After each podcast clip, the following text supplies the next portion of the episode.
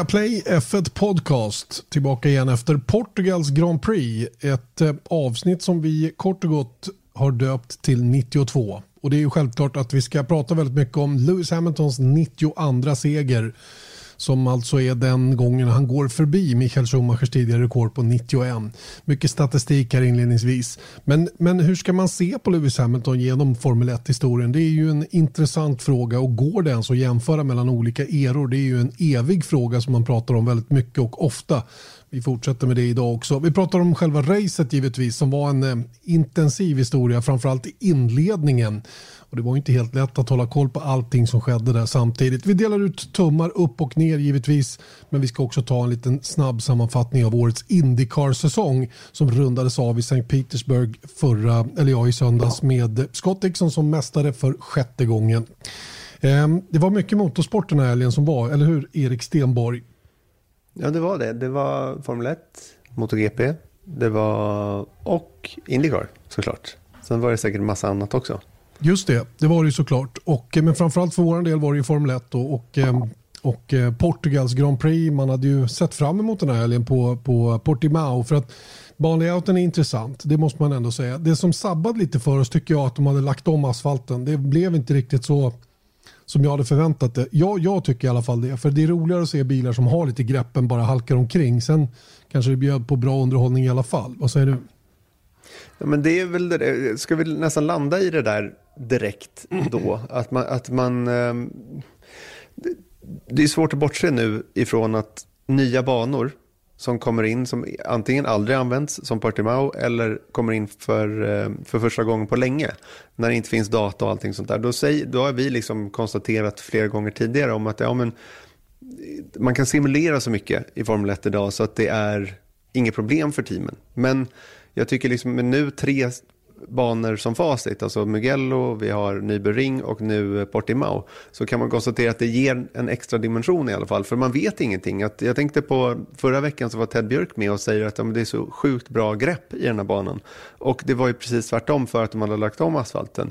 Och det, det är klart att teamen visste om att det hade asfalterats om, men på något sätt så är det ändå så, ja, men du vet, det blir oförutsägbart helt enkelt sporten, Formel 1-sporten mår bra av lite curveballs emellanåt som, som gör att man får jobba lite hårdare för att komma till rätta med det. Eh, det vi dock ser är ju att en bra bil är en bra bil oavsett förutsättningar i det avseendet. Va? Men det kastar upp bollen lite grann och det ger ju en, en viss oförutsägbarhet åtminstone. Men i dagsläget är ju Mercedes och Max Verstappen så pass överlägsna resten av startfältet att därvid lag så blir det inga förändringar oavsett vad man skickar mot dem så att säga.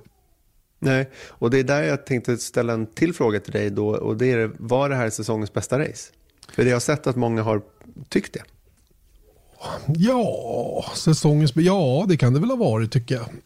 Jag tycker um, inte det var det sämsta i alla fall. Den saken är helt klar. Nej, för att svara på din fråga så var det ju ett av dem i alla fall. Um, ja, problemet är att man kan ju inte dra sig till minnes heller uh, vad... Um, jag har i alla fall svårt i mitt minne att komma ihåg eh, sådär snabbt på om det är något annat som har varit bättre. Jag har väl liksom, nu sitter jag för nära racet som var i söndags för att liksom sortera ut det bland alla andra. Men visst var det ett väldigt, väldigt bra lopp. Det, det, får man väl ändå säga. Det var många olika saker som gav ett väldigt bra race tycker jag. Inte minst, inte minst eh, en massa individuella prestationer som, som man sällan ser av det här slaget. Som i och för sig då neutraliserades så småningom. Men som i vissa fall då ändå eh, ett första varv till exempel för Kimi Räikkönen som gav honom ett, ett, eh, ett kanonläge att åtminstone slåss om en VM-poäng vilket han aldrig hade gjort om man från den startpositionen hade bara hade gjort det vanliga jobbet inom citat. Mm. Ja, men, och, och, grejen är så här, jag, jag, när jag gick ifrån studion i, i söndag så kände jag så här, fan vilket bra race det här var. Och när man ser då att folk skriver så, ah, vilket fantastiskt race på Twitter och, och, och så vidare.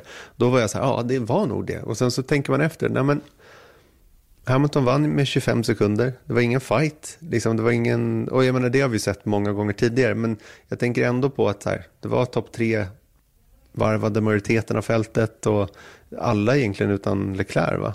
Ja, ja det var de fyra ja. första som var på, på ledarvarvet, mm. stämmer. Mm. Men då var det ändå ett bra race. Men jag, jag, jag, skulle säga, för att svara på min egen fråga, då skulle jag säga att nej, det var inte säsongens bästa race. Ja, nej, det var kanske inte säsongens bästa race, även om det hade detaljer som var väldigt, väldigt bra. Inte minst eh, ett extremt intressant första varv. Då gör vi oss redo, hörni. Grön flagg från kön och då kan vi tända lamporna. Två är tända, den tredje, den fjärde och den femte. Portugals Grand Prix är iväg och nu ska vi se vem det är som gör den bästa starten. Det ser ut som att det är Hamilton som har greppet i alla fall. Och eh, Verstappen uppe och nosar på Bottas som blir lite inklämd där när Leclerc Eh, är uppe och kollar lite grann. Bottas är nere på en tredje plats men eh, ser ut att kunna bromsa sig upp förbi Max Verstappen igen genom kurva 3.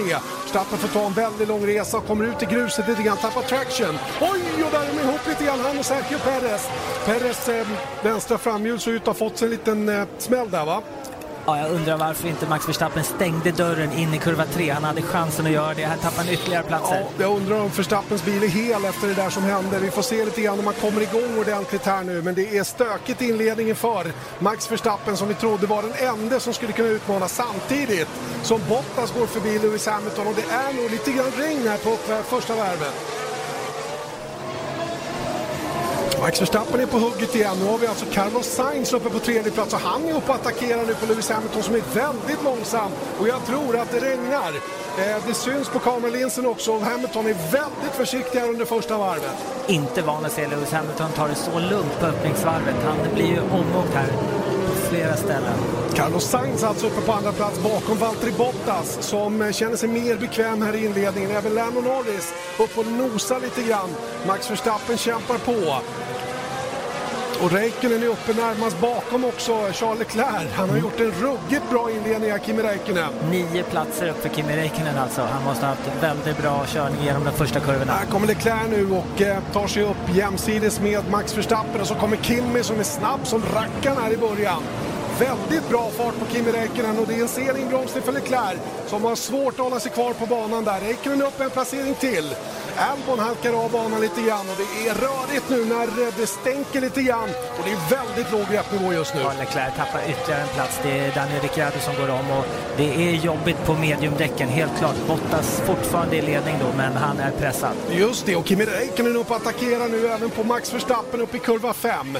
Hoppas de höll sig ifrån varandra där. Samtidigt som Bottas är passerad och vi har en ny ledare i Carlos Sainz.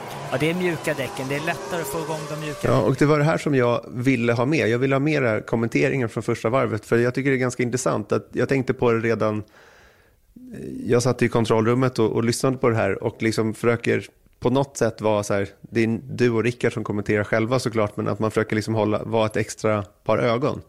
Men jag tycker liksom, och det tycker jag kommer fram också i kommenteringen att det finns en metod för er att kommentera ett första varv. Att du kanske tar lead och sen så när det väl lugnar ner sig då kommer Rickard in. Men det händer så mycket hela tiden så att det blev nästan som att så här, jag visste inte heller var vi var någonstans i, i, i racet. Och jag tycker reaktionen på att Carlos Sainz går upp i ledning var, jag ska inte säga avmätt, men den var liksom, jaha, du vet så här, det mer en sån förvånat. grej. Ja, och där tänker jag bara, det vore kul att höra din input på hur, hur ni brukar lägga upp ett första varv. Nej, men ett, ett första varv är ju precis som du säger. Det är ju en, en, ehm, till att börja med så räknar man in lamporna och det slocknar och det går iväg och sen så försöker man då hålla koll på. Eh, jag och Eje gjorde alltid upp om att eh, jag tog hand om första halvan och Eje sa jag tar andra halvan. Så hade vi varsin halva av startfältet att hålla koll på. Men man är väldigt mycket i händerna på tv-produktionen. Hur bra och hur väl de lyckas följa skeendena under ett första varv.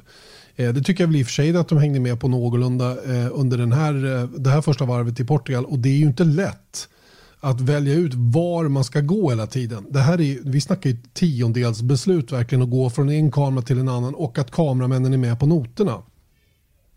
Och ska du gå till onboard och så vidare. Och det var ju det som gjorde att man blev... Det hände så mycket fram tills dess att Carlos Sainz tog över ledningen. Så när vi kom på ledaren och jag tittar på live inser jag att fasen, det är ju det är Sainz som leder. Så, så vi har en ny ledare i Carlos Sainz. Så här. Mm. Då var bara så här, oj, vad hände egentligen? Mm. Och, och, det tar ju lite tid innan man, innan man har landat i allting. Det är rätt skönt när det första varvet är överstökat på det viset. Det kan ju vara så otroligt eh, intensivt och sen så får man liksom sätta sig ner och okej, okay, nu börjar vi kolla på racet där, får vi se vad som händer. Mm.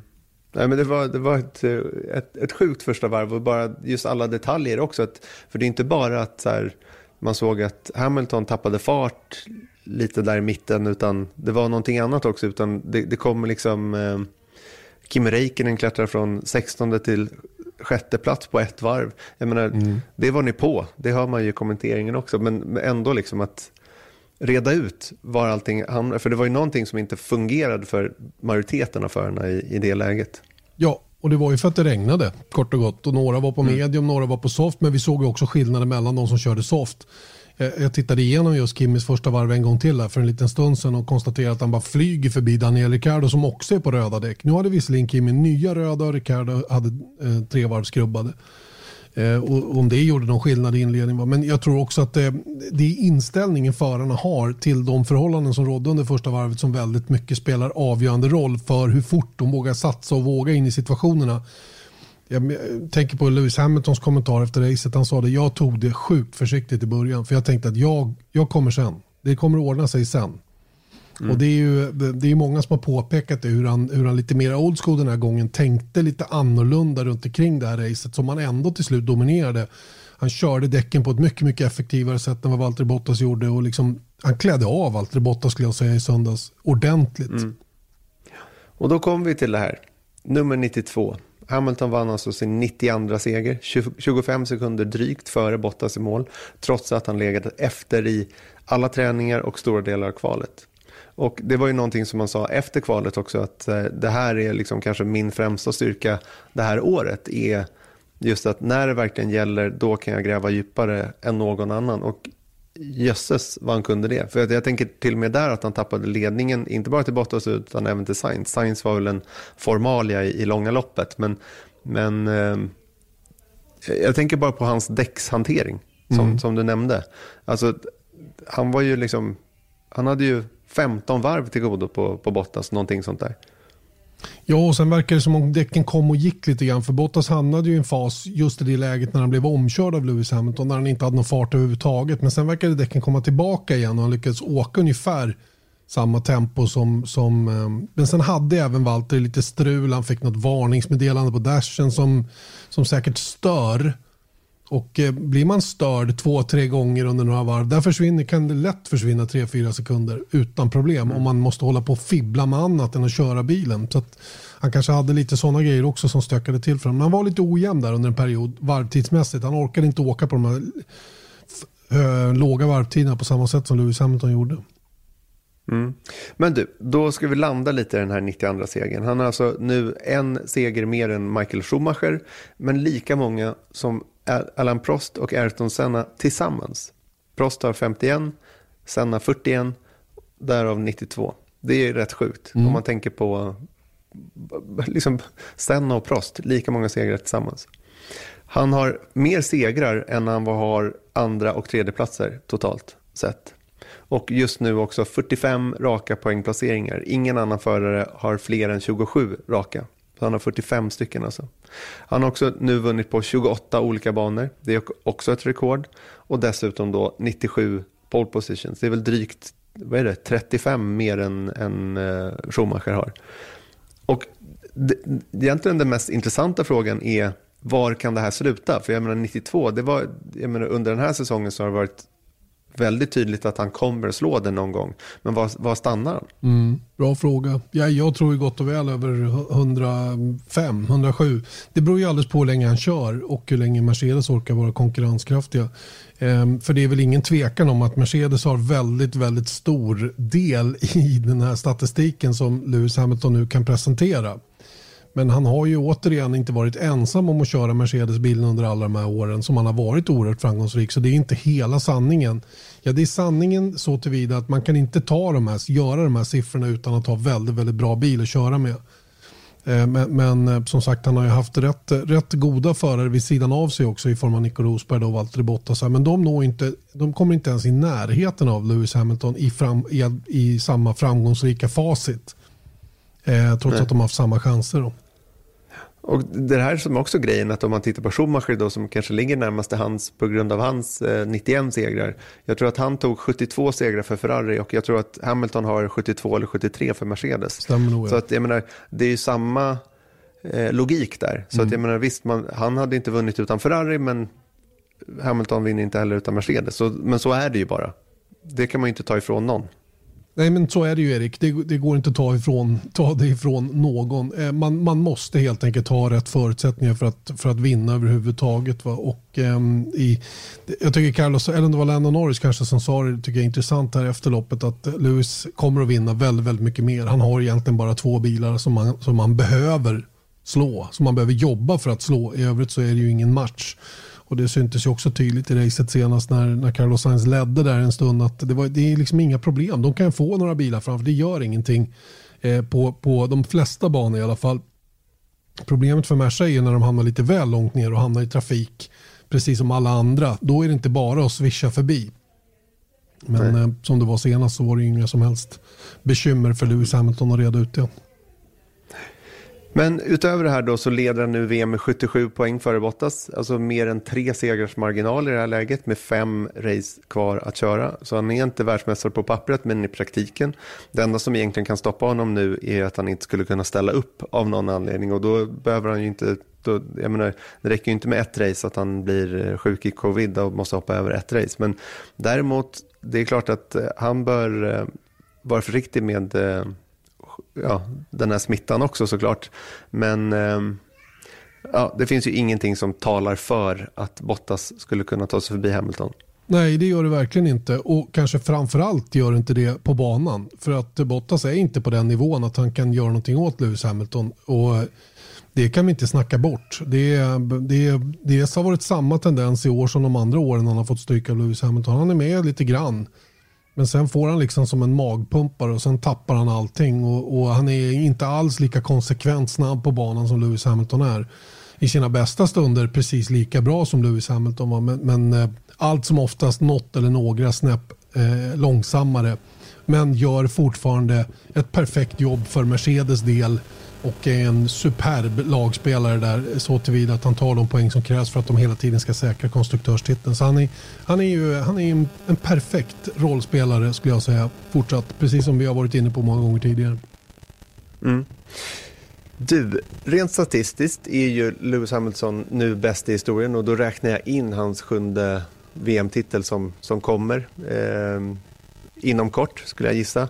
Men det talas ju alltid om svårigheter att jämföra förare från olika eror. Så jag tänker så här, låt oss inte göra det. Men min fråga till dig är, hur ser du på hans avtryck i F1-historien? Och om man då bortser från statistiken och mer fokus på hur han påverkar F1 som sport genom liksom hans person?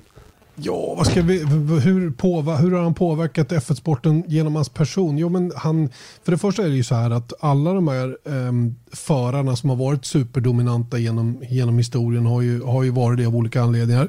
Eh, på Schumachers tid så han blev mer mytomspunnen tycker jag. För, för han, man fick ju aldrig träffa honom. Vi fick ju aldrig se honom, knappt se honom bli intervjuad under, under de framgångsrika åren som han hade. Det var ju det var ju eh, ensamrätt för vissa tv-bolag på honom som, som medieperson, eller ja, i, att framträda i media. Numera har man ju sån enorm tillgång till förarna både genom deras egna sociala medier men också mediemässigt rent allmänt. Nu går det ju faktiskt att få prata med Lewis Hamilton och få höra vad han tycker om saker och ting. Så det har gjort en stor skillnad tycker jag i, i Hamiltons möjlighet att påverka sin omgivning då, runt omkring sporten som sådan men också kring sin person då i, i det som han tycker är viktigt vid sidan av. Och det är ju eh, det, det tror jag är någonting som man kommer att komma ihåg väldigt tydligt och, och för mig är ju min relation till, till Schumacher, för det är han som är närm, det är honom det är när, enklast och närmast att jämföra med, så, så har jag ju den bara rent sportsligt utifrån vad han gjorde bakom ratten. Både när det gäller mindre bra saker men framförallt de bra sakerna. Lewis Hamilton har man som sagt lite mer koll på eh, då man får möjlighet att träffa honom på ett annat sätt. Och Det är väl det som är skillnaden mellan de här två när man jämför deras fotavtryck i Formel 1-historien. Mm. Jag skulle lägga till någonting mer gällande Schumacher. Det var ju just att han var ju så känd för sin så här, nästan totala hänsynslöshet mot eller liksom vinna till varje pris.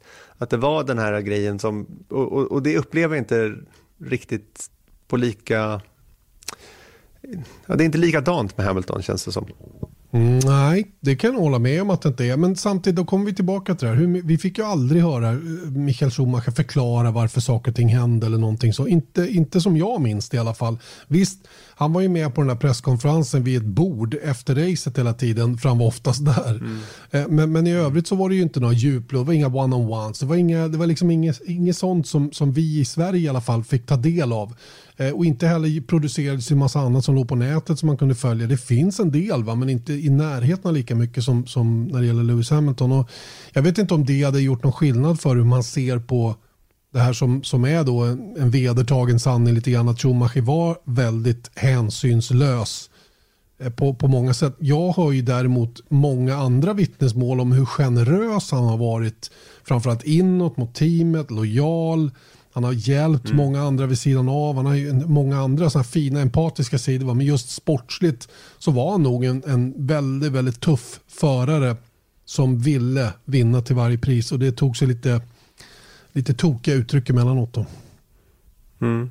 Grejen är att jag nästan så här, jag, jag, men jag tänker bara, det här är ju en hypotetisk fråga eh, såklart, eller inte baserat i verkligheten, men jag tänker liksom, hade han haft sin storhets, storhetstid nu så ser jag honom mer som en Fettel än en Hamilton. Om man tänker på engagemanget utanför banan runt just med Black Lives Matter, miljön, att vara vegan och allting sånt där. Och, och det är väl Hamilton är väl en, ett barn av sin tid så att säga. Så att det, är väl, det har väl format honom också. För att jag menar, i början av hans karriär så var ju han lika dan som Schumacher. För att det, det var liksom väldigt svårt att se några skillnader mellan förare. För att Formel 1 var på ett annat sätt då. Och sociala medier fanns inte på samma vis och, och så vidare. Så man vet ju inte såklart. Men det är helt klart att, att Hamilton vill ju mer än Formel 1. Jag menar, I Schumachers fall så känns det som att det var Formel 1 som gällde för hans del. Och han gjorde inte så mycket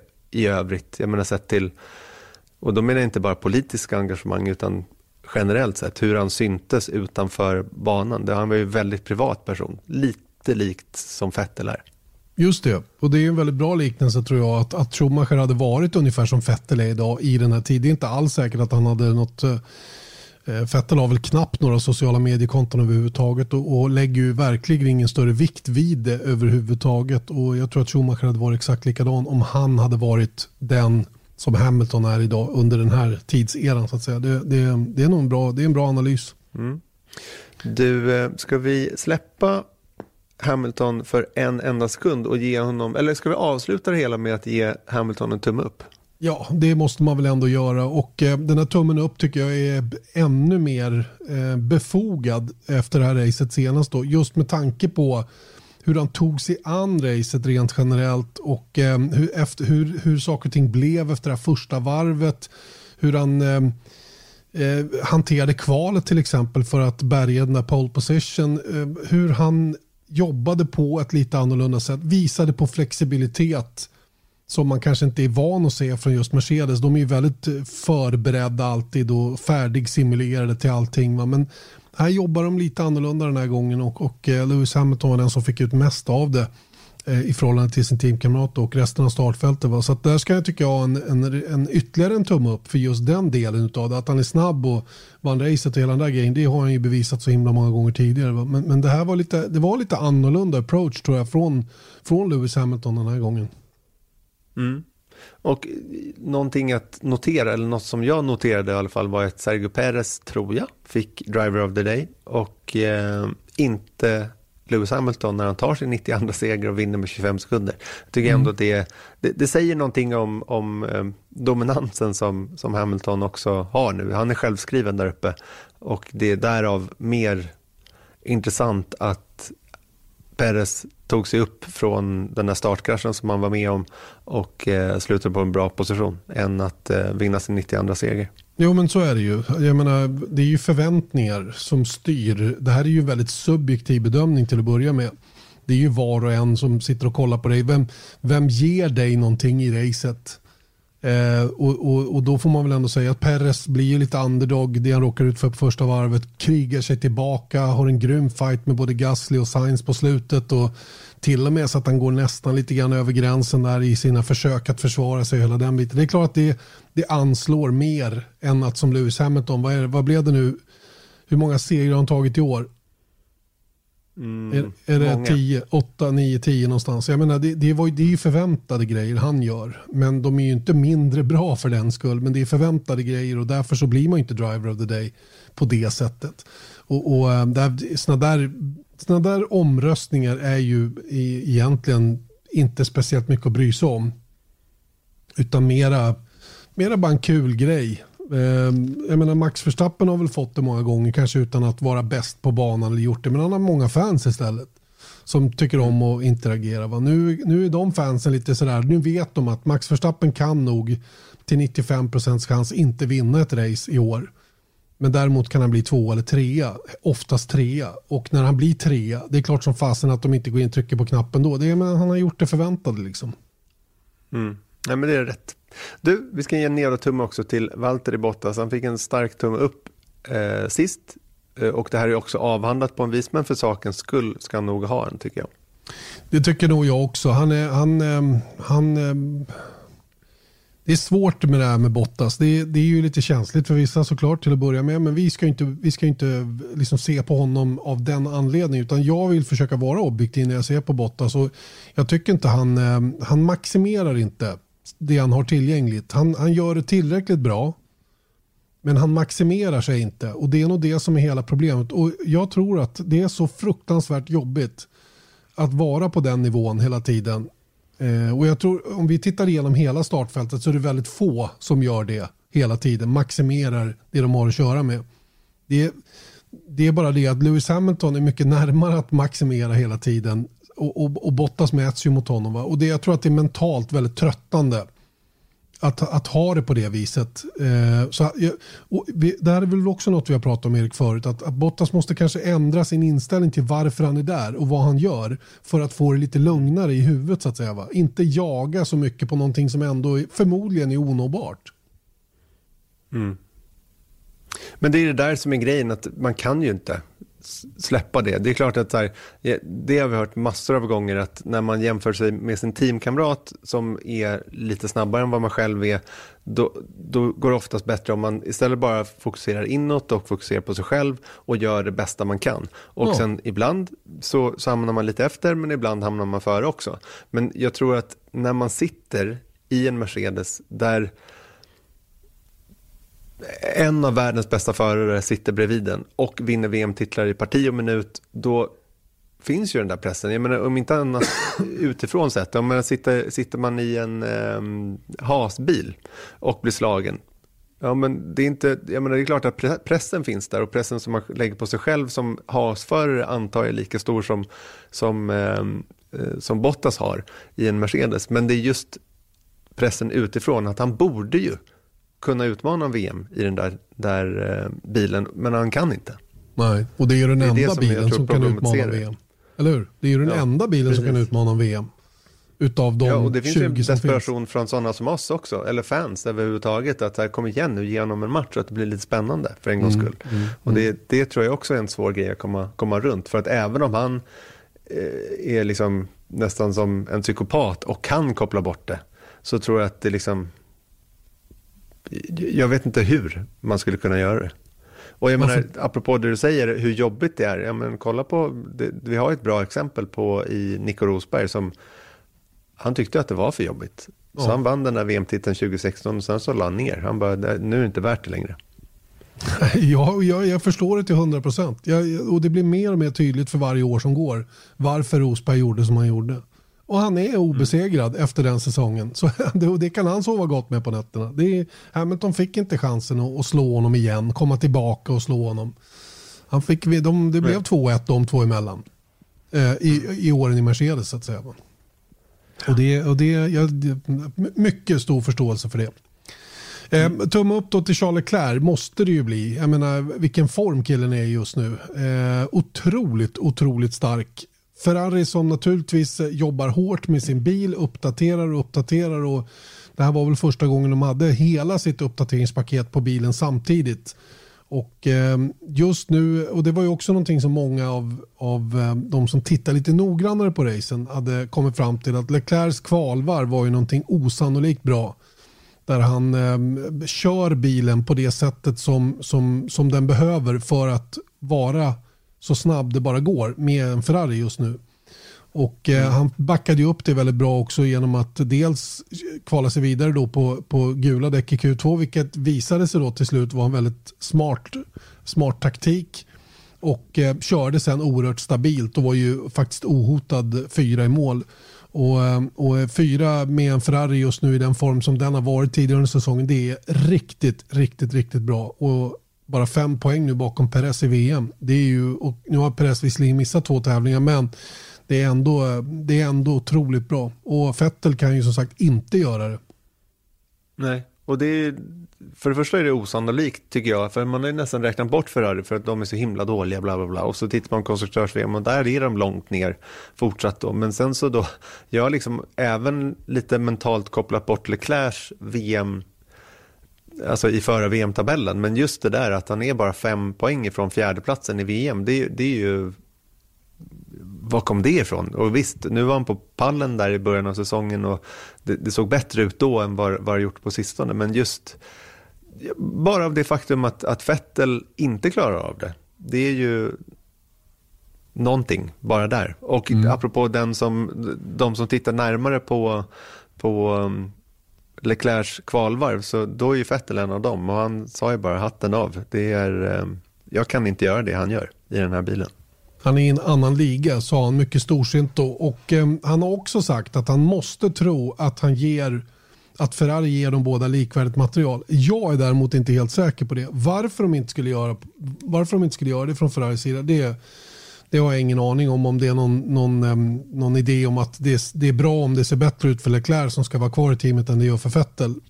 Eh, några sådana konstiga mm. grejer. Men att Ferrari gör konstiga grejer emellanåt i avseende sånt när det gäller liksom paritet i teamet och hela den grejen så, så, så, skulle det inte vara förvånande om det, om det skilde någonting i, i, i deras förutsättningar så att säga. Men, men jag tror i huvudsak att det är Leclerc som gör skillnaden och väldigt stor skillnad just nu mellan honom själv och Sebastian Vettel och det är inget man snackar bort alltså att köra ifrån en fyrfaldig världsmästare på det här sättet och sätter väl återigen Marcus Erikssons prestation då det året de körde ihop i ett annat perspektiv. Leclerc är helt mm. enkelt en väldigt, väldigt bra racerförare.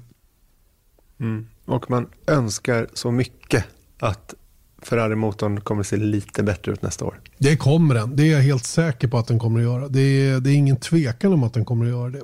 Det, det kommer att gå betydligt fortare för Ferrari nästa säsong. Men, men frågan är om de når hela vägen fram. Om de når upp till den nivå de hade innan de blev, innan de blev tillsagda att eh, köra den på ett annat sätt.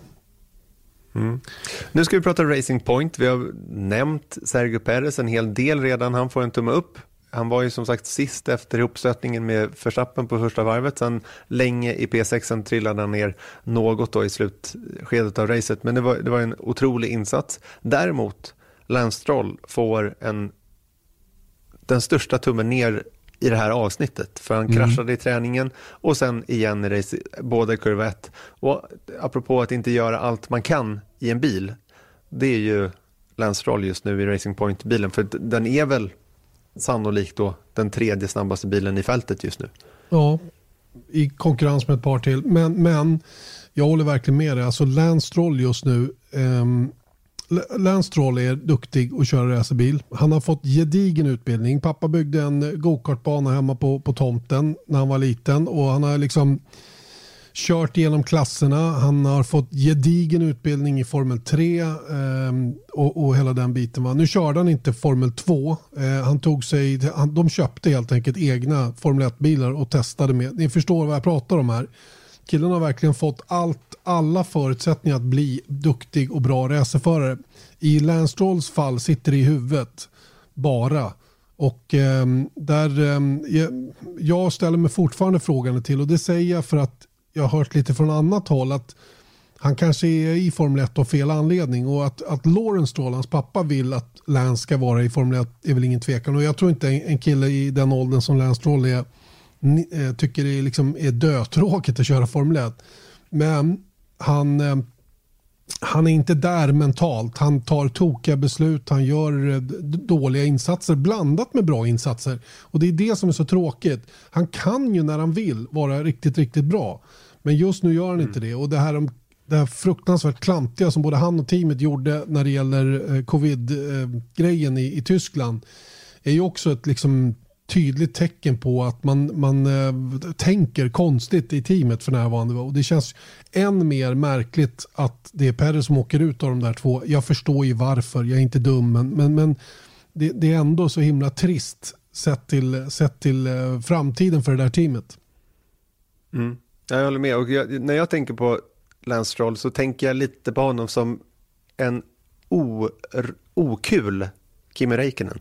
För han är som Kimi Räikkönen, han är lika tvär i, i mixed zone när, när man ska intervjua honom efter racet. Vi fick inte ut den intervjun efter eh, det här loppet, men det var ju som att han, han var ju liksom, visst, nu hade han haft ett dåligt resultat, men han vill inte vara där. Och det känns ibland inte som att han vill vara Formel 1-förare. Skillnaden på Kimi Räikkönen är att han backar ju upp att han vill vara i Formel 1 på banan. Han, han visar ju lite geist och go och vilja på banan. Mm.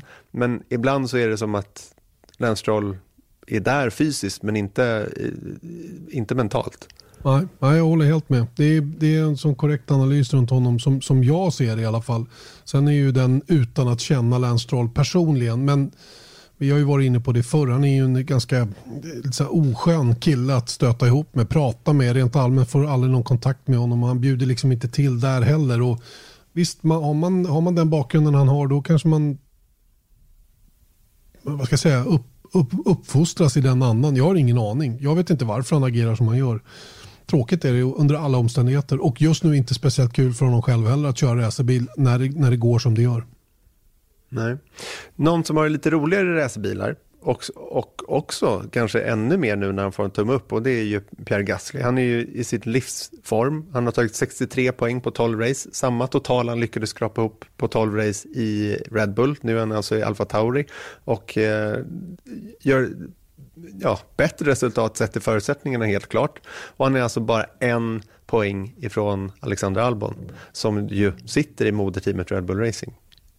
Undrar vad han har gjort hos Red Bull. Undrar vad som hände hos Red Bull för Pierre Gasly. För han är i paria för dem. De vill uppenbarligen inte ha honom tillbaka trots att han kör på det viset som han gör just nu. Och precis som du säger är i sitt livsform. form samtidigt som Albon har, satt, han har hoppat in i hissen och tryckt på, på källarknappen och, och den bara faller just nu fritt, den här hissen.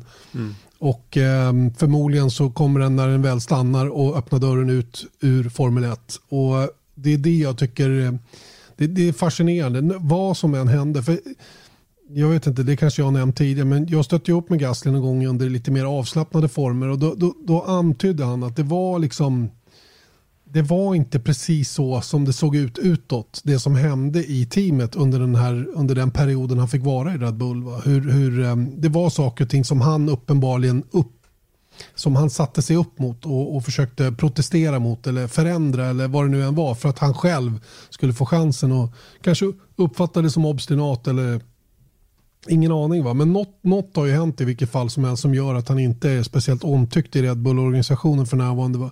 Men det som, det som håller honom kvar just nu det är ju att han är sjukt snabb i Alfa Taurin och ser ju till att de samlar ihop bra med poäng för närvarande. Och eh, han, han kör ju brallorna av Daniel Kviat dessutom som också varit uppe i Red Bull och vänt och, och varit på pallen och sådana grejer. Va? Så det är ju inte vem som helst som man gasar ifrån eh, Pierre Gasly för närvarande. Va? Och jag, jag, måste säga att jag är, jag är imponerad av honom. Mycket imponerad. Och på något sätt så hoppas jag att han kan landa en sits i, i, i Renault på sikt. Även om det inte händer mm. nästa år så säg att det händer till 22 år. Inte för att jag tycker, att, uh, tycker illa om Ocon på något sätt men, men på något jag vet inte. Gasly, Gasly, jag skulle vilja se Gasly komma bort från Red Bull och se vad det skulle betyda för honom personligen. Mm. Ja, jag håller bara, det, jag kan inte säga någonting annat än att jag hoppas på det. Inte minst för att få kanske lite tydligare bild av vad som händer i Red Bull och hur, hur det är där. Jag tror att hans memoarer när de kommer en gång, någon gång i framtiden kan vara int ganska intressant att läsa. Mm. Men då kan man ju fråga sig då, eh, du pratar om att eh, Eh, hissen är fritt fall för Albon och eh, han kommer få eventuellt lämna Formel 1 i slutet av den här säsongen. Eh, förtydliga, tack. Nej, men Alex Albon har ju fått två tävlingar på sig att, att prestera för Red Bull. Ifrån, det var de ju faktiskt ganska tydliga med eh, i flera intervjuer under helgen som var. Att den här och nästa helg, för till Turkiets Grand Prix, då ska de ha bestämt sig hur de gör nästa säsong. Och Alex Albon, han stärkte inte sina aktier i Portugal. Han, eh, han hade ju ändå en hygglig startposition men gick bakåt under de inledande varven. kom ju aldrig därifrån. Han kom aldrig därifrån. Och, och, ehm, jag vet Rickard och jag hade lite så diskussioner. Han tycker inte Albon är bra eh, och kvala naturligtvis och inte räckt till mot Max Verstappen. Det är vi överens om.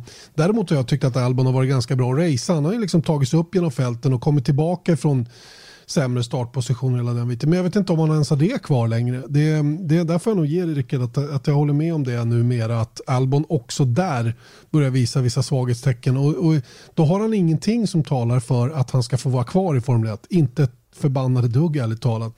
Och... Ehm, Ja, jag kanske tog i när jag sa att han är på väg ut i Formel 1. Säg att han flyttas tillbaka ner i Toro Rosso då och, ehm, och ska dela bil eh, i sånt fall med. Men det kan han inte göra. Vet du. Om det är så att Gasly åker på den här nivån och inte får någon plats någon annanstans. Då är det ut som gäller för Albon. Ut ifrån Formel 1. Sen så kanske han blir kvar hos Red Bull i en annan form. Men han kommer inte att vara kvar i Formel 1. För det blir Gasly och Tsunoda som kör för, ehm, för Alfa Tauri nästa säsong skulle jag inbilla mig i alla fall om det är nu så att Albon får lämna Red Bull och Red Bull börjar titta utanför team eller utanför sin egen förarpool, vilket de har aviserat att de gör. Och då ligger som sagt Nico Hülkenberg väldigt, väldigt bra till då eh, att, eh, att sy ihop en sån, en sån deal. Mm, exakt, och det, det, det, som skulle kunna vara räddningen är då att om Red Bull trots allt då skulle ta upp Gasly igen i stora teamet. För då ja, fast det har de ju sagt att det kommer de inte att göra. De kommer inte att göra det. Nej, men om, Nej, exakt. Men det är väl egentligen den enda räddningen som, ja. som finns. För att ja. de flyttar nog inte ner dem i Toro Rosso. I så fall ska de ju inte ta upp Sonoda då. Så det är väl de två minichanserna som finns för, för Albon i övrigt. Men jag vet inte riktigt. Och jag menar, var ska han ta vägen då? Det, det är ju ont om styrningar som sagt. Och, ja, så att, ja, det blir eh, inget. Jag, jag, det blir inget Formel 1. Nej, exakt. Jag stöder bara din tes här om att han är på väg ut ur Formel 1. Potentiellt. Ja, jag, jag, kan inte, jag kan inte heller se. Och jag vet inte vad, det är klart att de hittar något att köra åt honom. Jag menar, det har ju Marco varit ganska stolt med. Att alla de som har kört för, för Red Bull är på något sätt eh, anställda i, i team eller i någon organisation och, och, med hjälp av Red Bull då givetvis. Så att de kommer säkert att ta hand om honom i det avseendet. Va? Men eh, i Formel 1 tror jag han är på väg att eh, avsluta sin karriär. Eh, om det är tillfälligt eller för alltid, det får vi väl se. Men, men så ser jag på det i alla fall för närvarande. Och naturligtvis en eh, lika stor tumme ner faktiskt som Lance Stroll får just den här senaste helgen. En, en mycket mm. bättre och eh, intressantare tumme upp då till Max Verstappen. Den är lite tveksam efter den här grejen med Stroll tycker jag på träningen. Det är så här det är så Max Verstappen gamla skitvanor. Han beter sig som ett svin över radion. Han kör dumt, rent av korkat i den situationen. Och jag måste säga att det, sånt tycker jag är tråkigt när han faller tillbaka i gamla synder för han är så himla himla bra och han är superkonsekvent fartmässigt på banan och hela den grejen. Va?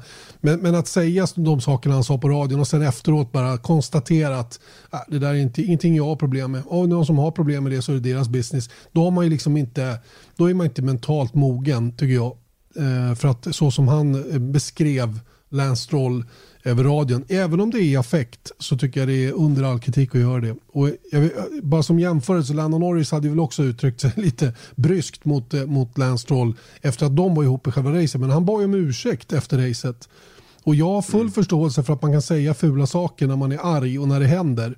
Inga som helst, jag har gjort det massor med gånger själv. Men man får ju be om ursäkt efteråt. Man kan inte ställa sig efter och säga det där inte jag har något problem med. Det skiter jag i. Har ni problem med det där så mm. kan ni dra åt helvete typ. Och det, det där, där blir jag lite lack på Jag, tycker inte, jag gillar inte det hos Max Verstappen. Så får han inte göra, tycker jag.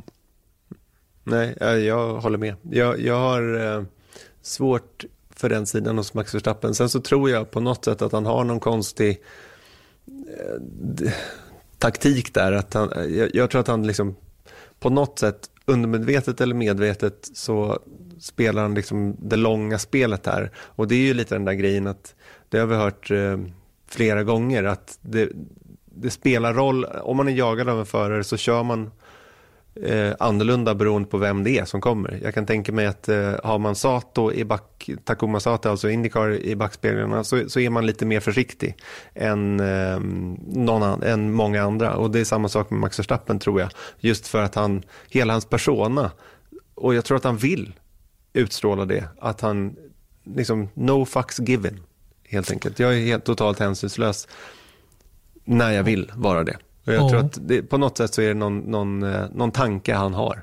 Jag tror inte alls att det är så beräknande. Jag tror bara att han är rädd för att be om ursäkt. Jag tror inte han är bekväm med det.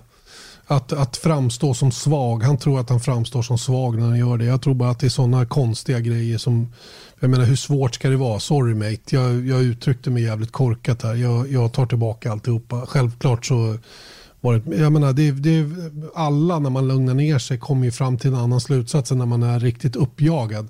Men, men då sätter han upp en, en sköld framför sig, liksom att jag bryr mig inte. Jag skiter i allt vad mm. ni tycker, jag kör mitt race. Liksom.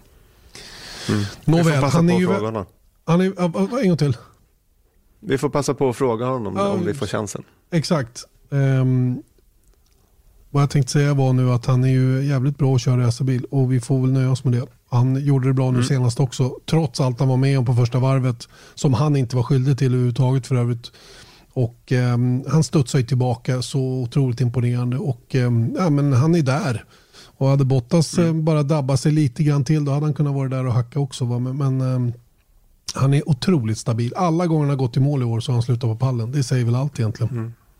Mm. Och är bara 17 poäng bakom Bottas. Så det mm. finns en andra plats där att hämta om man vill. Just det, Just det. Så är det. Jaha, du, eh, eh McLaren då?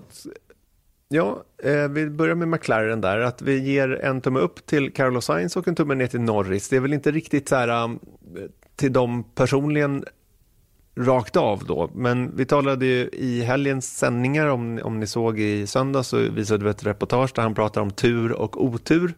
Och eh, han tror att man kan ha lite tur och otur och den enda vägen ut är att jobba hårt så kommer det tillbaka till den. Och det har lossnat för Sainz nu. Han har, jag tror att det är två raka topp 6 placeringar och han, han slutade sexa eh, i söndags och var i ledningen då.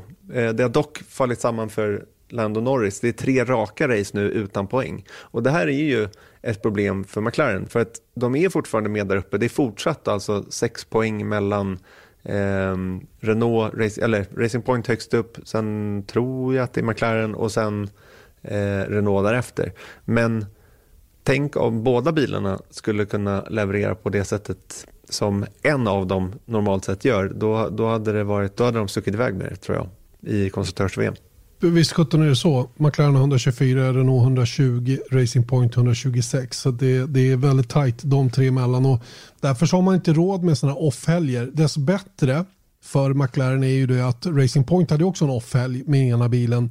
Renault hade väl en okej okay helg får man väl ändå säga med två väldigt vitt skilda. Jag ska komma till det strax men, men de hade en okej okay helg från Renaults sida utan att ha någon bra helg så hade de ändå en, en okej okay lägstanivå. Eh, Medan Racing Point och, eh, och McLaren hade bara varsin bil där framme. Och det, är väl, det är väl eh, precis som du säger, va? tummen ner till Norris, ja det kan man ju säga. Va? Hans race blev ju oerhört påverkat av det som hände ihop med, med Lance Stroll. Sen var, ju han liksom, sen var det ju svårt att komma tillbaka från det.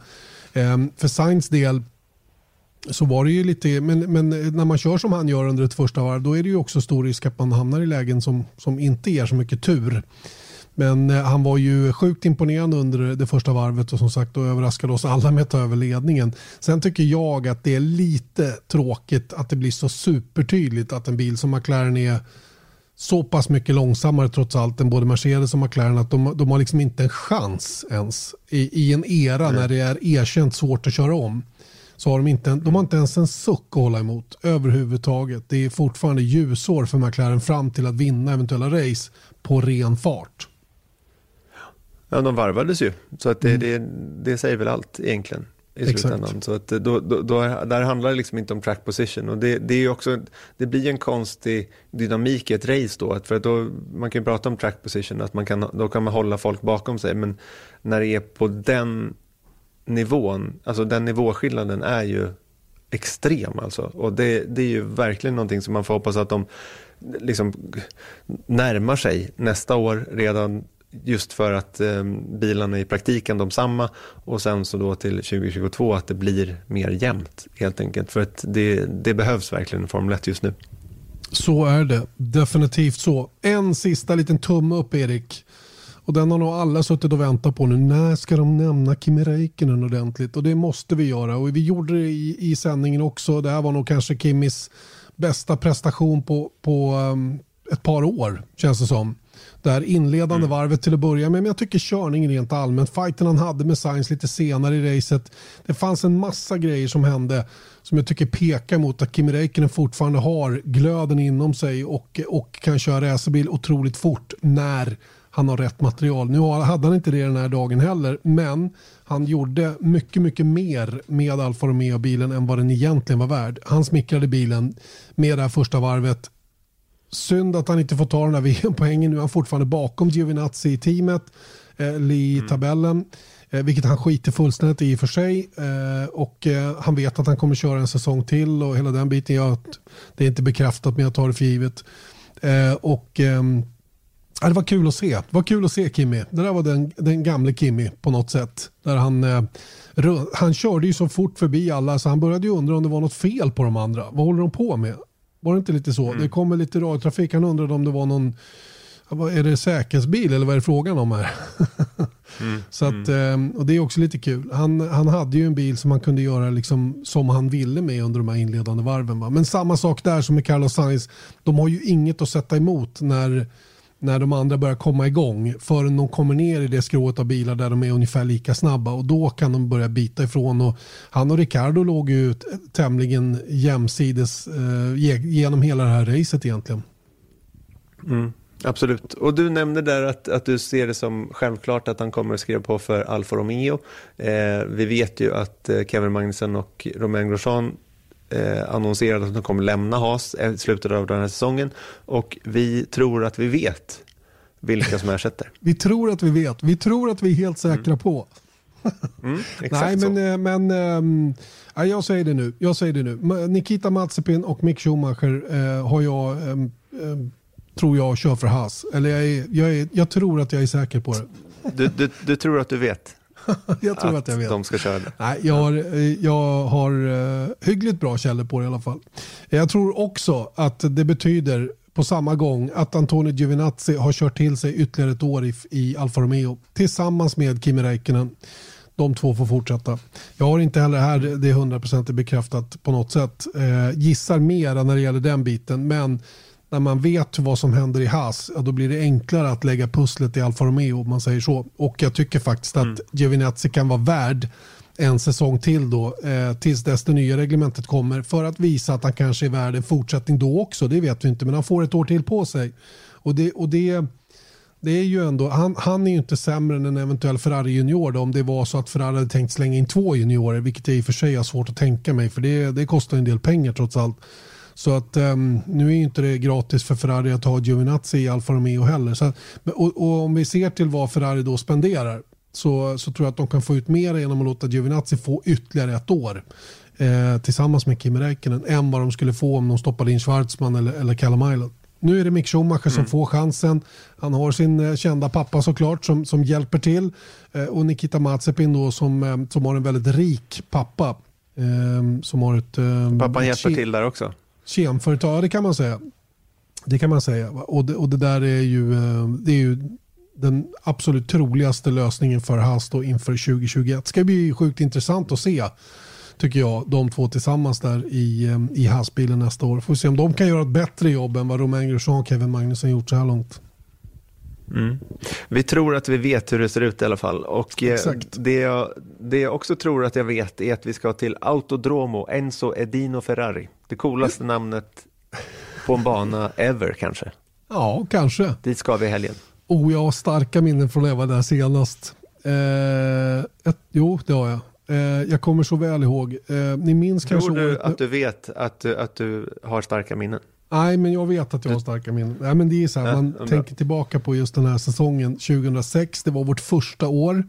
eh, hos, hos eh, våra nya, eller ja, i, i eh, MTG-organisationen. då.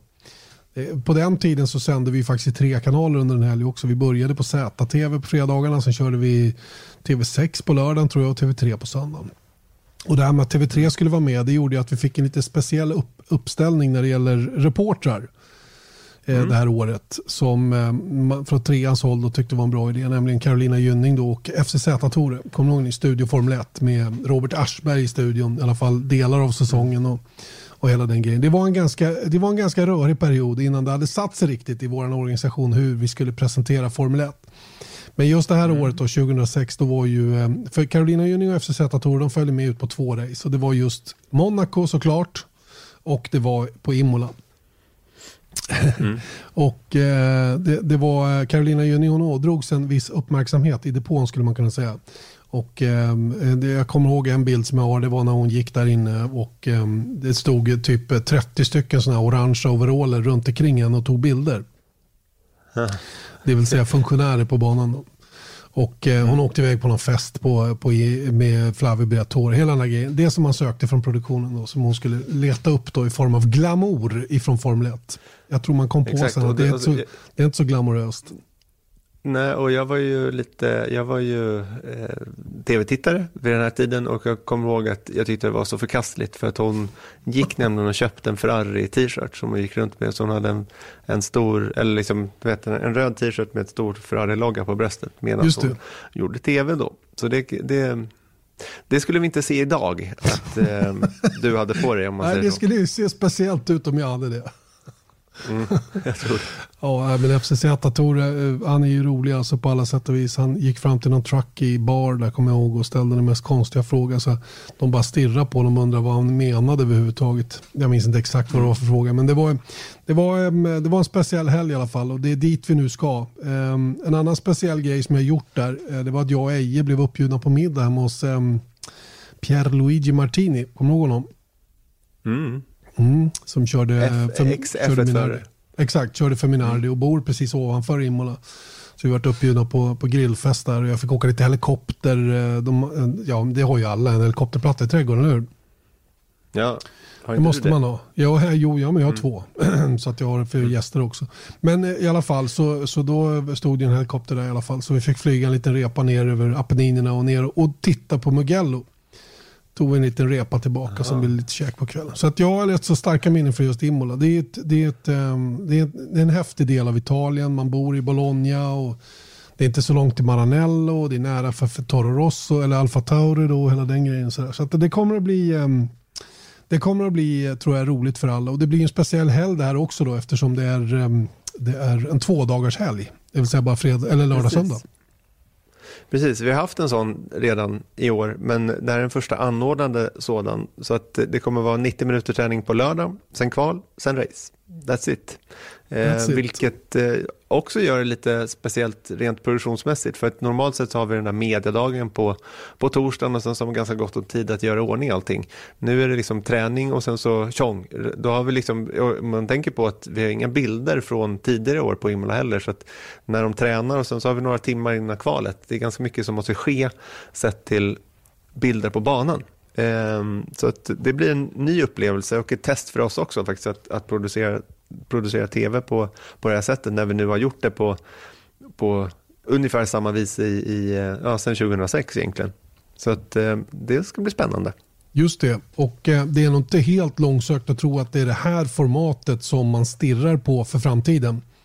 För att dra ner på, dra ner på helgernas eh, längd. Eh, sen om man kan komma överens om att det här är det bästa Eh, för vi får inte glömma att det kommer en del folk och ändå titta på fredagarna och den, den inkomsten, man kan inte ta lika mycket för en två dagars biljett som för en tre dagars biljett och det bortfallet i ekonomi måste man hämta hem på annat sätt. Då. Men eh, vi får väl se hur det blir med det. Det här, eh, det här är ju coolt ställe som sagt och eh, det, det, allra starkaste minnet från Imola det är ju självklart från 94 då med, med, eh, med Eh, Ayrton Sennas krasch givetvis. Just det, med allt som hände den helgen. Va? Men sen har jag det här året 2005 också kommer jag ihåg. Renault, Renault Ferrari, eh, Schumacher och Alonso har ju en brutal fight. Eh, hela det här racet igenom i stort sett. Där eh, Alonso till slut vinner. Och det är lite bekymmersamt för det går inte att köra om på den här banan. Som jag ser det i alla fall. Det kommer att gå med hjälp av DRS in mot Tamburello. Det tror jag. Mm. Men, men eh, jag ser inte jättemånga andra ställen att köra om på, på just den här banan. Och eh, med downforcen och farten genom kurvorna som vi har med, med den moderna Formel 1-bilen så räknar inte jag med någon omkörningsfest direkt. Nej, men det sa vi faktiskt i Mugello. Det sa vi mm. också till viss del här i, eh, i ja, där vi nu var, Portimao, Portimao. i Portugal. ja. Och det skulle inte heller bli någon omkörningsfest direkt, men det, det, det löser sig ändå. Och det är just den här grejen att det, det är ny bana, lite ny eh, och kort med träning. Det blir bara 90 minuter, det vet vi. Så att um, det, ja, det, det, kan kasta upp bollen i luften, förhoppningsvis i alla fall. Jag har god magkänsla och det brukar betyda allt. I den just det, den eh, litar vi ju stenhårt på. Sporten. Mm. Men du, är det... Är en hund, det, ja. det, det är det hundrade GP i Italien. Det är alltså flest F1-race i historien har anordnats i Italien och det är första gången någonsin som tre lopp anordnas i samma land under en och samma säsong. Vi har varit Mugello och på Monza och nu eh, på Imola. Då. Och första racet på Imola kördes 1980, senaste racet kördes 2006, det har vi nämnt och du nämnde att det är nära till Maranello, ännu närmare till Faenza. Det är eh, faktiskt exakt sju mil från Maranello till Imola och 12 kilometer från Faenza, så det är ju liksom nästgårds. Det är typ som Racing Point har det till Silverstone, nästan. Ja, nästan ja. Mm. Mm. Eh, nej men visst är det så och eh, Faenza ligger då mellan Bologna och Imola. På vägen från Bologna till Imola där hittar vi Faenza då, där alltså Alfa Tauri har sin fabrik eller sin, sitt högkvarter. Det här är intressant också att det är första av tre motsolsbanor. Alltså banor som går i, i vänt, vad blir det, högervarv? Vänstervarv mm. blir det. Vänstervarv blir det såklart. Mm. Som, som vi kör nu då. Det, är, det har inte till vanligheten trots att vi inte har Brasilien med då, som, som brukar vara ett sånt eh, motursvarv. Nej, det brukar ju finnas en del sådana. Jag tror Mexiko Fem. är väl Fem. också ett ja. Fem per säsong är det. Ja. Mm. Så då är det inte så mycket. Men det blir tre stycken i år, och, eh, inklusive då Turkiet och Jas Marina Circuit. Och den enda som har kört på den här banan i Formel 1, i tävling i alla fall, det är Kim Räikkönen. Han mm. är äldst på griden och han var med där 2006. Just det, i en McLaren den gången då, innan han flyttade över till Ferrari och blev världsmästare året efter. Eh, det var ju eh, som bekant Fernando Alonso då, som blev världsmästare 2006. Är det inte så att Jocke Tsunoda den här veckan ska köra på Imola? Eh, mm. I Alfa Tauri-bilen, en gammal 2018-bil. Jag tror att det var på det viset. Det passar ju rätt så bra om de kan åka dit och, och låta honom få prova. Jag, jag, är lite osäker på om det var just Imola bara. För att det, det var inte så att man förbjöd teamen att åka dit, vare sig med gamla eller, eller nyare material eh, för att förbereda sig för de här banorna som normalt sett inte är på kalendern. Jag, jag tror, faktiskt det. att det är precis så. Det var därför jag eh, håller på att googla här. Va? Ja, det är bra. Men, Go eh, googla ja, på det så kan jag prata så länge. Ehm, och som jag nämnt tidigare då, första anordnade två dagars helgen i Formel 1 är det som vi, vi har framför oss då, ehm, som, som är planerad två dagars helg. Alltså det här är ju officiellt sagt att bero på att eh, transporten mellan Portugal och Imola då är logistiskt lite krånglig och eh, man behövde få en extra dag ledigt och därför så drog man ner på bantiden då och tog bort hela fredagen och eh, förlängde då lördagspasset med en halvtimme. Det kommer att räcka gott, helt övertygad om det. Däremot så är det ju så att skulle det regna till exempel eller vara något annat som händer under lördagens träning där, ja då har man ju ingenting att luta sig mot inför, mot inför racet. Um, och, um, jag, jag, jag, ser fram emot den här helgen, det måste jag säga. Det ska bli kul att få se racing på Imola igen uh, efter så många år sedan vi var där senast. Favoritställe. Ska jag komma med, ska jag komma med facit runt ja, Sunoda? shoot. Den 4 november, efter racet, ska han köra på Imola med ja, en 2018-bil, en Toro Rosso STR 13. Så ja. att, uh, på så sätt löste de det. Då, är vi, då har vi den saken klar. Eh, och vi också börjar närma oss klara, men eh, innan vi stänger butiken, lite Indycar. Eller vad säger du? Tittar du på racet i söndags? Ja. Det gjorde jag såklart och eh, det var ett rörigt sådant alltså. Och eh, kvalet var ännu rörigare än racet. Men, men det var ju, det, det var eh, Indycar i sitt esse kan man väl mm, säga. Mm. Det var Indycar i ett nötskal skulle jag säga. För att um, de har ju en, en osedvanlig förmåga att, att röra till det i onödan och de har massa konstiga regler som man inte begriper sig på heller. Ehm, de har bestraffningar, ett bestraffningssystem som inte är för oss i alla fall som följer racing bort utanför USA så blir det ju lite, lite konstigt vilket drabbade till exempel Felix Rosenqvist under kvalet när han befann sig ha hindrat, eh, jag minns inte vem det var nu, men han hindrade någon bil i alla fall. Jo, det var Alex Palou var det som kom ikapp då mm. och eh, då, då, förklaringen Felix gav efter då att de har en, en, en mjukvara då som, som ska indikera för föraren om den man har bakom sig är på ett utvarv eller på ett snabbt varv. Och eh, Han blev lurad av det där helt enkelt och trodde att det var en bil på ett utvarv bakom honom och därmed skulle han då lugnt och stilla kunna förbereda sitt eget snabba varv. Istället så hamnade han i vägen för en Palou som var på ett hotlap och fick då sina två snabbaste tider strukna och eh, åkte då ur kvalet. Eh, gick alltså inte vidare till Q2 och eh, fick ju bara en, ett ett av tre varv tror jag som han fick behålla då och eh, därmed fick han starta 22. Så det var ju uppförsbacke redan där. Vi visste dessutom att han hade gjort sig illa i högerhanden. Ådragit sig en liten en, en spricka helt enkelt, en fraktur i högerhanden. Och efter, jag tror att det var han var ihop med Charlie, um, Charlie Kimball, heter han, inte Bobby Kimball. Charlie Kimball i, på, um, på Indianapolis. Eh, och det gjorde mm. naturligtvis ont, vilket inte heller var kul. Och sen starta långt bak. Så det var nog lite motbacke för Felix direkt där från start. Men eh, han hade lite bra fighting spirit och krigade på. Testade en undercut-strategi, eller en trestoppstrategi, precis som Marcus Eriksson för övrigt. Och, och, ja, var på väg upp då när han ådrog sig en punktering då efter sammanstötning med Santino Ferrucci och halkade efter och blev ett varv efter. Och sen fick han ju börja om från början igen. Och, så där höll det på för, för Rosenqvists del. Och, blev en, en, en, besvärlig resa men lyckades ju efter många starka omstarter inte minst ta sig upp på ledarvarvet igen och fick då hjälp av ytterligare en gul flagga att ansluta längst bak och sen började han ju attackera framåt och helt plötsligt var han uppe på åttonde plats. Och sen mm. började det dra ihop sig mot slutet då och då, då låg svenskarna ihop 8 och 9. Och Felix hade varit ganska tuff i omkörning förbi Marcus Eriksson där upp och klättra på kurben och ja, du vet, de fick eh, hålla åt sig lite eller, ja, för att inte smälla ihop med varandra. Då. Och sen på slutet då så, eh, så eh, blev det inte en likadan situation men det blev ett omkörningsförsök från Eriksson då in i kurva 1 som slutade med att de gick ihop lite grann och hjulupphängningen för Rosenqvist pajade och han fick eh, åka tillbaka in i depån och slutade till slut 18 när Marcus Eriksson blev sjua i mål. Och eh, just att eh, den, här, den här avslutande incidenten då blev lite åtminstone här i Sverige väldigt omdiskuterad. Det är många som har synpunkter på det där att två teamkamrater kör ihop. Och det finns ju som bekant två läger och vem man håller på och så vidare. Så det har varit lite, lite gurgel i, i dammen kan man säga. Mm. Mm. Ja, men, och, och, vi såg ju inte incidenten så det är svårt att, att, uh, avgöra någonting. De verkar inte vara värsta ovänner i alla fall. Absolut menar, det är inte. lite den där grejen också att de är teamkompisar men de drivs ju lite som olika team och det är väl lite så här ett öga för ett öga och sen så blir det som det blir, lite. Sen så, eh, det hade varit lättare att uttala sig om man hade sett det. Exakt. Och det har inte jag gjort i alla fall. Inte jag heller. Det finns inga bilder på det. Och um, Det enda jag har det är ögonvittnes, ögonvittnesskildringar som sa att det var en, en fair, fair och tuff fight de två emellan. Då Marcus dök på insidan och var förbi. Felix försökte hänga kvar på utsidan. Då, och, um, ja, sen räckte det väl inte till och så slog de ihop lite grann och så knäckte han någonting i framvagnen där. Men um, så, så är det ju. Det är väl, eh, varför ska inte de kunna fightas? Men jag har inga som helst problem med att de, de bilboxas lite på banan så länge det inte är uppenbart fula grejer och det var varken den ena eller den andra omkörning som jag ser utan det var fair, fair men hård körning de två emellan och eh, tyvärr så slutade det ju inte så roligt för Felix men de, om vi ska summera säsongen så blir de 11 och 12 i mästerskapet och eh, de har varit mm. hyggligt jämna de här två i samma team nu då, den här säsongen. Rosenqvist har en seger.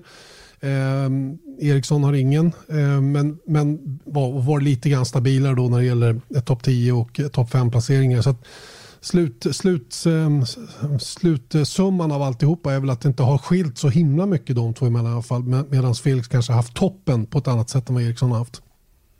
Ja, och framförallt i kval. Det är ju fortsatt det är precis samma sak som vi pratade om ja, i slutet av förra säsongen. Att det är just kvalen som Eriksson behöver jobba på och kanske lite mera jämnhet i racen från Rosenqvists sida. Sen så har det varit lite stolpe ut av andra anledningar också, att man blir påkörd och sådant. Det, det är ju svårt att, eh, att liksom reda ut på eget bevåg. Men, men eh, jag vet inte, jag tycker när man hörde om det här att vet, båda svenskarna i Ganassi, eh, en av the big three, då hade man, och speciellt då med, med Dixon som mästare, så hade man kanske haft lite högre förhoppningar sett till resultaten just i år. Men jag kände så här, att så länge båda är kvar, vilket det mesta tyder på att de kommer vara, Eh, Eriksson verkar vara kvar i Ganassi och eh, Rosenqvist är som bekant verkar vara på väg mot eh, Arrow McLaren. Då är jag nöjd för då, ett tredje säsong, då känns det som att då kommer vi få se på bullar alltså. Andra ja, bullar. För att jag tror att eh, just för, för de här två gossarna så tror jag att det krävs några år faktiskt att komma in i den här typen av racing. Vi ser ju en sån som Pat Award som, som gör det väldigt, väldigt bra. Och vad slutar han? Fyra va? till slut flera mm. andra som jag tycker har imponerat som har som har liksom byggt sin, sin, eh, sin karriär i USA. Jag menar Pat Award var över till Japan och var inte speciellt framgångsrik. I F2 eh, gick det inte att köra överhuvudtaget. Visserligen inte i något bra team och med små förberedelser men det, det är svår, Det är, det, är olika, det är olika och det tar lite tid att komma in i det såklart. Va? Visst kan jag tycka att förare på den här nivån ganska snabbt ska falla in i det men det finns många exempel på vad erfarenhet ändå betyder. De här rullande starterna, hur man letar luckor just i omstartsögonblicken. Och, och där är en sak som jag skulle vilja lyfta fram hos Felix faktiskt. Hans omstarter nu i söndags inte minst var ju fan så aggressiva. Så han, han, han där tar han ju positioner. Och, och ehm, Visst, det kan ju vara ibland mot förare som vet att de inte behöver fightas mot just honom. Som i det här fallet när han låg ett varv efter och togs förbi Hörta i någon omstart. Men det var ju viktigt för honom att kriga sig upp och leda varvet. För det, han visste ju att sannolikheten för fler gulflaggor finns där. Och då måste man vara aggressiv i de här lägena för att dra nytta av det. Det var ju det som i slutändan gjorde att, att han överhuvudtaget kunde vara med i matchen och fightas om någonting. Det var ju inte det var inte frågan om någon sån här, eh, man kan inte köra, köra in ett helt varv. Så mycket snabbare än någon annan är man inte. Utan man måste ju ha lite röta med det som händer runt omkring. Men, men just mm. det där med, det är ju en detalj i det hela. Kvalen nämner du. Eh, egentligen har väl ingen i Chip Ganassi gjort de där topprestationerna kvalmässigt under säsongen. Och det, det finns antydningar om att de setupmässigt kanske haft lite jobbigare att hitta rätt med de här bitarna. Inte bara för Marcus som jag tyckte nu senast hade hundradelarna verkligen surt på fel sida. Men, men det kan man inte skylla på utan man måste ju vara på rätt sida om det. Men även Scott Dixon har ju kämpat med att kvala tillräckligt högt upp och där verkar ju Felix vara den som, som kan få ut mest av paketet som de har haft i år.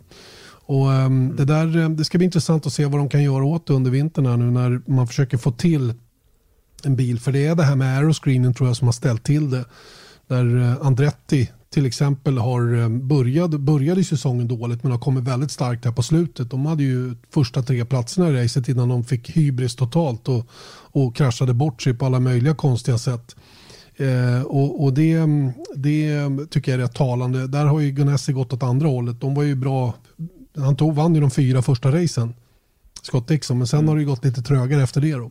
Så att eh, de har gått lite åt varsitt håll. Då. Det där har nog att göra med att den här säsongen var den första med aeroscreen och att det har varit ett konstigt år med lite körning rent allmänt. Ja.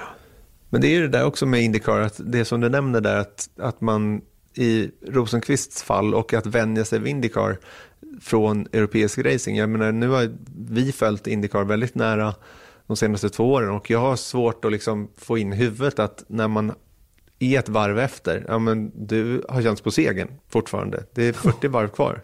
Och, och det, det, jag tror att det är rätt så, tänk dig från en förarperspektiv att så här, mm. ja, jag går för segern.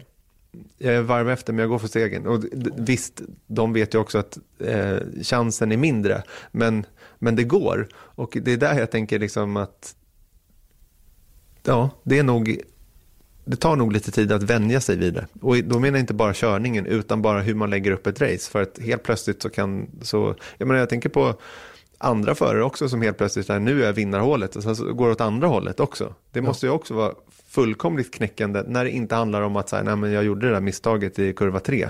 Det var därför det blev så. Nej, nej. utan det är bara en gul flagg vid fel någonstans. tillfälle. Precis, en gul flagg vid fel ja. tillfälle. Du passerade depåinfarten med 100 meter och så får du åka tre mm. varv medan som samlar upp fältet och sen måste du komma in för att ha slut på soppa.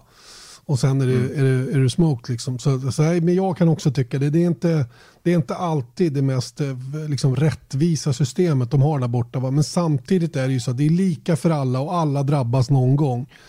Men, och det, mm. men, men fortfarande är det så att några förare är mer konsekvent där uppe än andra och det är ingen tillfällighet. Va? Det är typ Scott Dixon, det är Joseph Newgarden. Kolla på Newgarden som, som vinner det här racet från det, start, det startläget han hade och, och liksom hur han fightades och krigade, hur han tryckte sig förbi Will Power utan några som helst betänkligheter på en teamkamrat som, som visste spelets regler och liksom inte gnällde över det. Han dabbade ju sina egna möjligheter sen, senare. Men Scott Dixon vid något tillfälle, hur han smet med där och hur han kalkylerar med riskerna eh, kontra vad han kan vinna på att göra som han gör. Va? Det där mm. är ingenting man lär sig på en dag och några kan fladdra till va? Eh, och, och göra starka resultat. Men att göra dem hela tiden och ha en väldigt hög lägstanivå, det är det som är det svåra i Indycar. Och det kräver nog rätt många år innan man kommer in i det hålet riktigt. Mm. Hoppas att det räcker med två så att vi får se en mästerskapsutmaning. Ja, men det, det tror jag absolut. Det tror jag absolut. Båda två kommer ha möjlighet till oavsett nu då. Men, men eh, vi, vi, om vi kommer tillbaka till det så är det väl så eh, att det är bara, det är bara en formalitet nu innan det bekräftas att, att Rosenqvist hamnar då i Arrow, McLaren, Schmidt, Peterson till nästa säsong och att eh, eh Eriksson då förhoppningsvis också då sätter penna på pappret med CGR, Chip Ganassi Racing och ytterligare en säsong. Sen mm. eh, tror jag faktiskt, jag har, jag har fått på känn att det kan vara någon mer överraskning på gång. Vi får se lite vad som händer. Va? Men, men eh, silly season i Indycar är inte över ännu i alla fall. Nej, men det är veckans podd, eller hur? I allra högsta grad. Vi ber att få rekommendera oss och eh, återkommer nästa vecka igen. Ha det gott. Hej då! Hej då!